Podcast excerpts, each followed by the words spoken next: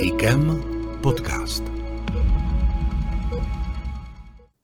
IKEM podcast vám přímo z Institutu klinické a experimentální medicíny přinášíme už téměř dva roky a dnes posloucháte jubilejní z té vydání.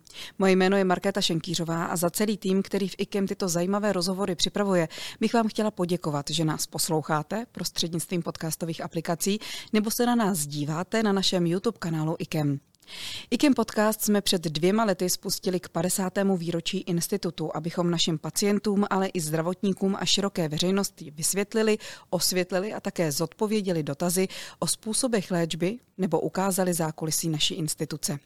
Pojďme si teď společně připomenout nejposlouchanější díly první stovky IKEM podcastu.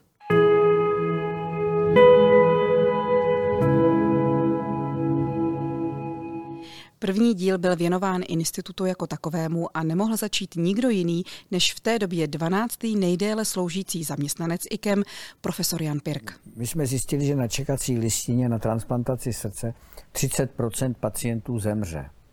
A my jsme neměli, my jsme měli všechny možnosti, jak je léčit do té doby, než skutečně jim mohla z život zachránit pouze transplantace srdce. Jediné, co jsme tady neměli, byly ty mechanické srdeční podpory. Proto jsem vedl jednání s pojišťovnou a musím říct, tehdy byla přednost, ředitelka byla paní, do, doce, paní doktorka Musílková, která k tomu přistoupila velice operativně, řekla ano, můžete zachránit ty řadu životů. A takže pojišťovna řekla, ano, budeme to hradit, ty, ty dlouhodobé mechanické srdeční podpory, těm, kteří dělají transplantace orgánů, což bylo velice racionální rozhodnutí, protože je to drahý program a my jsme to používali zpočátku jako most k transplantaci srdce biologického. Takže to směli používat kolegové v Brně a my v IKEMu. Takže my jsme to tady prorazili a v roce 2003 jsme udělali první podporu a do dneška těch podpor jsou stovky a stovky. Vůbec nejposlouchanějším podcastem celé první stovky byl rozhovor s doktorem Markem Petrášem o vývoji, rozdílech a zajímavostech u vakcín proti COVID-19. Ne, že by se nevyvíjela. Vyvíjela se zhruba 20 let vakcína proti vsteklině, proti chřipce na tomto principu, ale nikdy se nedostala dál než do klinického hodnocení fáze 1. Je pravda, že ovšem pandemická doba sebou přináší spoustu e, nových záležitostí a mimo jiné tedy se i tento typ vakcín dostal vlastně do popředí. A vzhledem k tomu, že tato výroba není tradiční, je založena na biosyntéze, tak se těmto výrobcům podařilo velmi rychle připravit i, řekněme, dostatečné množství takovéto vakcíny a mohly se pustit a vrhnout do těch klinických hodnocení, které probíhaly poměrně jako jedny z prvních. E, princip těchto vakcín je založený e, na ne vysloveně předávání antigenu, to znamená, řekněme, proteinu nebo bílkoviny, jednoduše řečeno, která nese eh, své charakteristiky, eh, které klíčují právě ten příslušný patogen a učí imunitní systém ho rozpoznávat. Eh, tento princip vakcín je založen na tom, že my dostaneme, nebo očkovaná osoba získá genetickou informaci. Genetickou informaci tentokrát je v podobě té postičkové RNA kyseliny, která kóduje tu, tu příslušnou bílkovinu a respektive ty příslušné, řekněme, ty znaky a charakteristiky toho patogenu a naše buňky si musí teprve tuto bílkovinu vytvořit. Čili je to skutečně v tomto duchu, duchu velmi originální, inovátorský, No ale samozřejmě všechno má svůj rub a líc. V době covidu pak zaujal rozhovor o tom, jak funguje lidská imunita s profesorem Iliou Střížem, přednostou pracoviště laboratorních metod. Třeba imunitní systém je, je energeticky nesmírně náročný. E, jenom pro příklad udává se, že třeba e, medvědi, když mají zimní spánek, tak si úplně utlumí imunitu, aby dočkali do jara, protože Eh, ta, ta tvorba protilátek, to, obnova buněk, to, to zabere šíleně energie. To, takže to, to je věc třeba, která handicapuje eh, ty, ty, ty seniory. U, u obézních tam těch faktorů je celá řada, samozřejmě ne, nejenom imunologických. Eh, u chronického zánětu také vlastně je tam ten, ten faktor energie a navíc často ti pacienti jsou léčeni třeba protizánětlivou nebo imunosupresivní léčbou, takže do určité míry také mohou být tímto handicapováni. Cukrovka, zejména ta druhého typu a obezita, jdou většinou ruku v ruce. Zároveň jsou významnou, možná i největší civilizační hrozbou současné společnosti.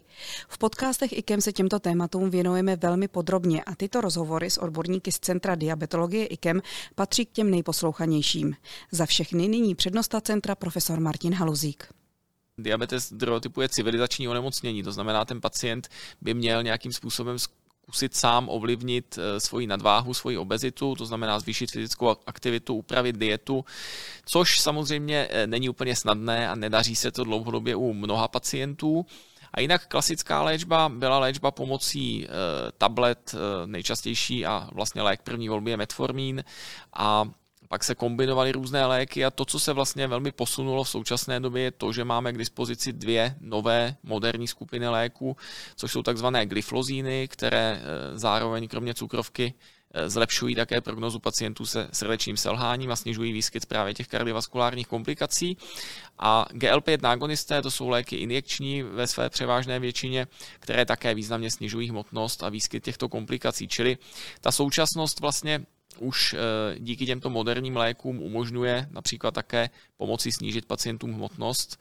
A budoucnost eh, se posouvá do podávání léků jednou týdně. Máme velmi zajímavé eh, injekční léky, které jsou schopné hmotnost snížit výrazně, třeba o 10 až 15 kg i více a dokonce i léčba inzulínem, což je lék, který také používáme u tohoto typu diabetu, se posouvá nebo bude posouvat do podávání jednou týdně. Takže... Jak si člověk ničí srdce? Téma profesora Josefa Kaucnera, přednosti kardiocentra IKEM, který vysvětloval, jak například sůl, stres a další vlivy mohou zničit naše zdraví. Samozřejmě my nemůžeme za to, komu jsme se narodili a genetika hraje také velkou roli, protože řada onemocnění, která mají genetický podklad, nebo máme minimálně nějaký sklon k tomu onemocnění, ať už je to hypertenze, ischemická choroba srdeční nebo obecně ateroskleróza. Ale na druhou stranu je celá řada faktorů, které my můžeme ovlivnit a jedním z takových nejzávažnějších je například kouření. To je faktor, který prostě dramaticky přispívá eh, k onemocnění eh, cév, eh, onemocnění cév jak srdce, tak v mozku a v dalších orgánech. A vlastně ti kuřáci si vědomně poškozují tu vnitřní výstelku cév a pokud mají třeba vrozený sklon k té ateroskleroze nebo mají, mají tedy v anamnéze Eh, v té rodinné anamnéze mají třeba eh, onemocnění rodičů nebo dalších příbuzných, tak pokud kouří, tak v podstatě dělají vše pro to, aby, aby to onemocnění se projevilo v mladším věku, anebo aby to špatně s nimi dopadlo. A když už se do IKEM člověk dostane, skončí v rukou specialistů, kteří dělají vše proto, aby pomohli. Třeba na operačních sálech při transplantacích. Více profesor Jiří Froněk, přednosta kliniky transplantační chirurgie. Ta samotná transplantace se není jenom to, to vložení a našití toho orgánu eh, příjemci transplantace, jak jsem mnohokrát řekl, je za prvý ten odběr, ať už od zemřelého nebo od žijícího dárce, který obvykle neprovádí navíc jeden chirurg, ale, ale, ale několik chirurgů, přičemž každý z nich je zodpovědný za ty orgány, které odebere. Následují takzvané backtable, což jsou jednotlivé operace už na těch odebraných orgánech, kdy konkrétní chirurg se svým asistentem upravuje ten orgán, aby byl v perfektní kondici právě připraven k tomu vložení do těla příjemce a, a napojení těch důležitých struktur. To znamená, transplantace jako taková je sekvencí několika operací za sebou jdoucích.